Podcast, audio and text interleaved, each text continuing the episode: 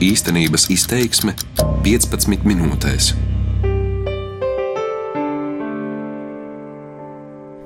Franču iknedēļas izdevuma Lepoā, jeb latviskojot punkts, redakcijas ēkas augstāvā ir plaša, gaiša telpa, ko no visām pusēm ieskauj lieli logi. Te ir pelēki, ērti krēsli un dīvāni, zemi gādiņi, grāmatu plaukts, Lielos podos lekni zaļojoši telpaugi, ārā terase, no kuras paveras skats uz Parīzi. Tā ir pilsētas daļa, ko parasti nerāda pastkartītēs. Tā ir mazliet citāda, bez ierastā efeļu torņa ar daudzstāvu dzīvojamajiem namiem, moderna, saulaina, vienkārša un joprojām vilinoša. Ar rakstnieku un žurnālistu Kristofu Onodibio esam apsēdušies zemajos zviļņos, un es izceļu uz gada grāmatu viņa grāmatu, turklāt latviešu valodā. Ienirt ir daudzas godalgas, turklāt Franču akadēmijas lielo balvu ieguvis romāns par mīlestību un par laikmetu, kurā, kā sacīts anotācijā, mīlēt kļūst arvien grūtāk. 43 gadus vecais Kristofs Onodebio, šī romāna autors, ir sarakstījis jau sešas grāmatas, saņemot vairākas literatūras balvas bet mani sauc Ina Strāzdiņa un franču rakstnieku Kristofu Onodibio Parīzē es esmu uzmeklējusi vairāku iemeslu dēļ. Pirmkārt, mani pārsteidz un sajūsmināja viņa darbs, un es vēlējos satikt cilvēku, kurš to ir radījis, kurš informatīvi, bagātīgi apraksta laiku, notikumus un vietas mūsdienās, kurās arī pati esmu bijusi, arī kā žurnāliste, Beirūtu, Venecijas Bienāli, teroraktus Parīzē un Briselē, Un otrkārt, es vēlējos uzzināt, ko šodien franču rakstnieku ieskatā vēl var paveikt literatūra, kad ir tik daudz citu vilinājumu un arī atkāpšanās iespēju. Something very, uh, uh, very active, lots of action, like a decision. Because in the novel Paz, Esmu tikko atgriezusies no izstādes slavenajā Orsē muzejā Parīzē, kur par godu Baltijas valstu simtgadēji izveidota izstāde - simbolisms Baltijas valstu mākslā. Izceļu no somas bukletu, domājot, ka Kristofu Onodebio, kurš ir izdevuma Lepoā kultūras nodaļas vadītājs, tas varētu interesēt, bet viņš jau visu zina. Viņam tāds jau ir Visu ir izlasījis un grasās izstādi drīzumā apmeklēt. Rakstnieks grasās braukt arī uz Rīgu, jo Latvijā izdos nākamo viņa grāmatu. Ienirt ir pamatīgs izdevums, vairāk nekā 300 lapušu biezs. Atbilstoši tā nosaukumam, tajā tiešām var ienirt, izbaudot valodas un domas dziļumu, un autoru kultūras, vēstures, literatūras un politikas zināšanas. Neatstāstot saturu, varu vien teikt, ka galvenais varonis šajā grāmatā ir Cēzars, kurš arī ir franču žurnālists, tāpat kā Kristofs, un kurš šo darbu velta savam dēlam Hektoram, izstāstot, kādēļ ar viņiem vairs nav kopā apdāvinātā māksliniece, nemiera pilnā spāniete Hektora māte Pasa. Kristofs Onodebio man atklāja, ka romāns daļēji ir un nav patiesība. In fact, for Plongé, I wanted Plongé to be like a museum. Like a, a kind of, uh... Es vēlējos, lai grāmata ienirt ir kā muzejs tam visam, ko esmu pieredzējis, piemēram, Beirūtā, kur notiek tieši tas, kas notiek ar galveno varoni, proti viņa nolaupīšana. Un arī citas zemes ainavas, piemēram, mākslas biennālē Venecijā. Rakstīšana man ir kā orientieris, lai es nepazustu pats savā dzīvē. Mani romāni ir kā nelieli pieredzes ķieģeļi. Par Cēzaru galveno varoni rakstīju jau savā pašā pirmajā grāmatā. Tolaik viņam bija 25 gadi, tieši tikpat, cik man tolaik. Viņš izauga ar mani kopā, satiekot meiteni, draugus. Viņš nav mans dubultnieks. To pat ir grūti izskaidrot. Viņš ir kā manis paša dzīves turpinājums, taču cauri izdomātam tēlam. Ne viss, kas ir grāmatā, tieši tā ir noticis, taču es nevaru rakstīt par ainavu, materiālu, mākslas darbiem, par niršanu, ja es pats to iepriekš neesmu piedzīvojis. Tāpēc es vēlējos grāmatā runāt par daudziem un dažādiem dzīves aspektiem, jo tas ir dzīves muzejs. Uh, like a, a life, you know?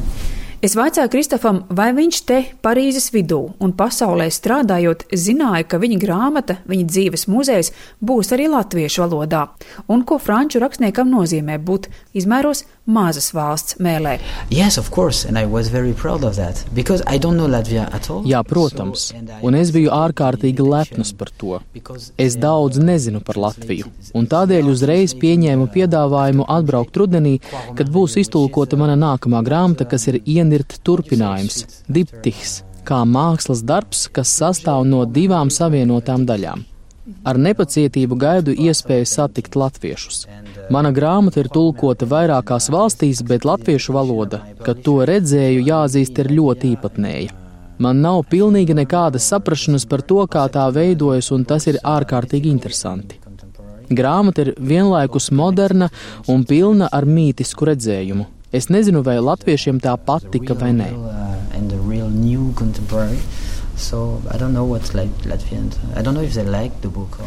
Es saku franču rakstniekam, ka latvieši ir ļoti lieli lasītāji, un tas ir kas tāds, ko mums nu dien nevar atņemt, un ir ļoti raksturīgs. Vaicāja Kristofam Onodebio, kādēļ viņa prāt cilvēki joprojām lasa. Kas ir tas, ko mēs meklējam grāmatās, arī laikā, kad ir tik daudz citu iespēju un vilinājumu? I think we're looking uh, for experiences. Uh, es domāju, ka mēs meklējam pieredzes. Grāmatu lasīšana palīdz iemācīties lietas, palīdz būt daudz precīzākam pašam savā eksistencē. Rakstnieks un filozofs Umberto Eko ir teicis, ja tu gribi dzīvot pats savu dzīvi, tad nelasi grāmatas, bet ja tu gribi dzīvot tūkstošiem dzīvju, tad lasi. Ir grāmatas, kuru varoņi tiešām kļūst dzīvi un īsti. Jūs varat izraudāties līdz sirds dziļumiem par viņu nāvi, lai gan viņi ir izdomājums. Lasīšana ir kā iekļūšana citu prātos, sirdīs un dzīvēs un iespēja bagātināties no tām. Man grāmatu lasīšana palīdz kļūt labākam, pieredzē bagātākam, es tajās varu būt jebkas pat sieviete. Atceros, kad rakstīju ienirt, man bija jākļūst arī par Cēzaras sievu pasu. Visi rakstnieki ir arī lasītāji. Atceros, kad paņēmu rokās grāmatu, kas tapusi 5. gadsimtā pirms Kristus, es piekļuvu ārkārtīgi spēcīgai pārdomu pieredzei. Vai arī romiešu dzēnieks Ovīdijs, kad viņu izsūtīja no Romas, uzrakstīja fantastiskas poēmas par trimdu, cik grūti ir dzīvot ārpus savas zemes, kā tevi nepieņem, un šodien tas viss atkal ir ļoti aktuāli. Domāju, ka mūsdienu migranti ļoti labi tajā sevi saskatītu. Man lasot, ir ļoti svarīga šī enerģijas laika pieredzes pārnese. Really, really Runājot par laiku un laikmetu, mēs pievēršamies arī politikai. Un Francijā par to šobrīd ir grūti nerunāt. Kristofs sarunā ar ieminas, ka labākie valstu vadītāji un politiķi, viņa prāt, vispār ir tie, kuri lasa grāmatas, un Francijā, par kuru viņam ilgu laiku bija nopietnas bažas, šobrīd tā ir. Es biju ļoti dusmīgs uz savu valsti pirms prezidenta vēlēšanās uzvarēja Emanuels Makrons. Es neesmu ideālists, es neredzu Makronu kā mesiju, es neesmu naivs, bet pirms viņa nākšanas pie varas Francija tiešām bija nomākta depresīva apsēst ar nācijas ideju. Protams, es pats esmu francūzis, tomēr tas nav tas, kā to redzu. Mēs esam eiropieši, mēs esam tautu sajaukums. Mīlēt Franciju nozīmē mīlēt arī visu, kas ir ārpus tās. Būt francūzim nozīmē būt ļoti atvērtam. Pirms Makrona Francijā ļoti spēcīgi uzstājās ekstrēmi labēji spēki, nelaimīgi pret citiem un Eiropu draudīgi noskaņoti cilvēki. Man tiešām no viņiem bija bail. Ar Makronu Francijas sabiedrība it kā atjaunoja savas saiknes ar vēsturi, bet ļoti labā veidā, proti ar to vēsturi, kas nozīmē citu zemju un cilvēku iepazīšana, atklāšana, savas sirds un prāta atvēršana. Makrons un arī izglītības ministre ir moderni cilvēki, kuri interesējas par tehnoloģijām, attīstību, bet tajā pašā laikā arī par antīko pasauli. Es esmu ar viņiem runājis par to, cik svarīgi ir izstrādāt datoru programmas un tajā pašā laikā prast tulkot no sengrieķu valodas.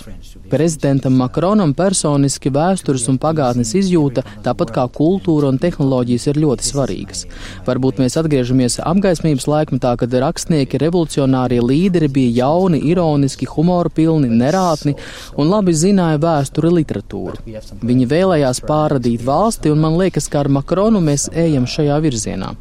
Protams, mums ir daudz problēmu, streiku un veco kļūdu, taču mēs esam kļuvuši jaunāki. Es ļoti ceru, ka gaidām gaidāmajās Eiropas Savienības vēlēšanās neatgriezīsies anti-eiropiskās strāvas.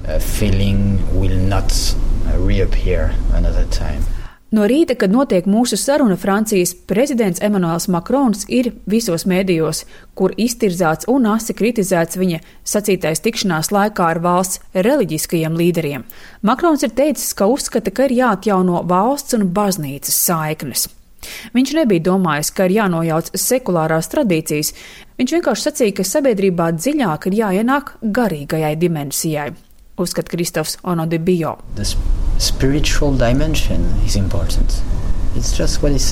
Dzīvē šī dimensija ir ļoti svarīga. Nav runa tikai par kristietību vai islāmu. Vienkārši ļoti svarīgs garīgums. Piemēram, ja runājam par varonību, tā ir ļoti antīka ideja. Tas nenozīmē, ka varoņi ir tikai karā. Varonība ir arī būt labākam cilvēkam. Makrons, un tas ir absolūti redzams, ir lasījis daudz grāmatu, gluži kā Francijas premjerministrs Eduārs Filips, kurš nāk no manas pilsētas. Arī iekšlietu ministrs ir bijušais klasiskās literatūras skolotājs, kultūras ministre bijusi izdevēja. Es esmu ļoti priecīgs redzēt Francijas varas gaitiņos uz grāmatu lasīšanu orientētus cilvēkus. Tās tiešām ir labas ziņas. People, uh, yeah. Atgriežamies pie franču rakstnieka paša grāmatām. Tās pirmkārt ir par mīlestību, un arī ieniet ir par laikmetu, kurā, kā sacīts anotācijā, mīlēt kļūst arvien grūtāk. Es vaicāju rakstniekam, kādēļ tā, un vai šim laikam tiešām pietrūkst mīlestības. Jā, es tiešām tā domāju, jo, redzi, mēs mīlam šo, viņš paceļ mobilo telefonu, un sevi. Example, Instagram. Instagram. Use, uh... Piemēram, mani ļoti šokē Instagrams. Es arī to lietoju, tāpat kā citi cilvēki, un daudzi tajā atzīmē laika, jeb patīk pogu. Īstenībā neiedziļinoties, kas tad viņiem īsti patīk. Bet tā ir savstarpējā apmaiņa. Ja es kādam izrādīšu uzmanību, tad saņemšu to arī pretī. Man šķiet, ka mēs esam pārāk pārņemti ar sevi, lai iedziļinātos otra vēstījumā par dzīvi, par daudzām lietām. Savā grāmatā ienirt es rakstu par ļoti pilnīgu un radikālu mīlestību. Es vēlējos attēlot to, kā mīlestība var eksistēt un augt divos tik ārkārtīgi dažādos cilvēkos. Tāpēc grāmatā šis stāsts galu galā tiek izstāstīts bērnam šīs sarežģītās, bet iespējams mīlestības auglim.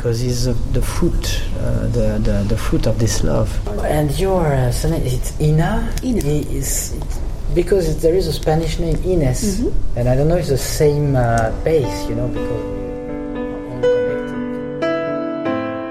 Uz atvedām Kristofs Onodibio grāmatā ierakst novēlējumu un autogrāfu.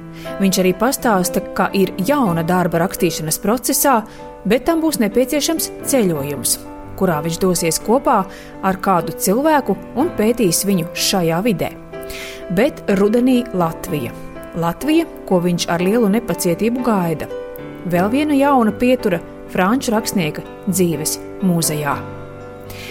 Mani sauc Inna Strasdiņa, un šo raidījumu īstenības izteiksme es veidoju kopā ar skaņu operatoru Renāru Šteimani. Darbības vārds īstenības izteiksmē izsaka darbību kā realitāti - tagadnē, pagātnē vai nākotnē, vai arī to noliedz.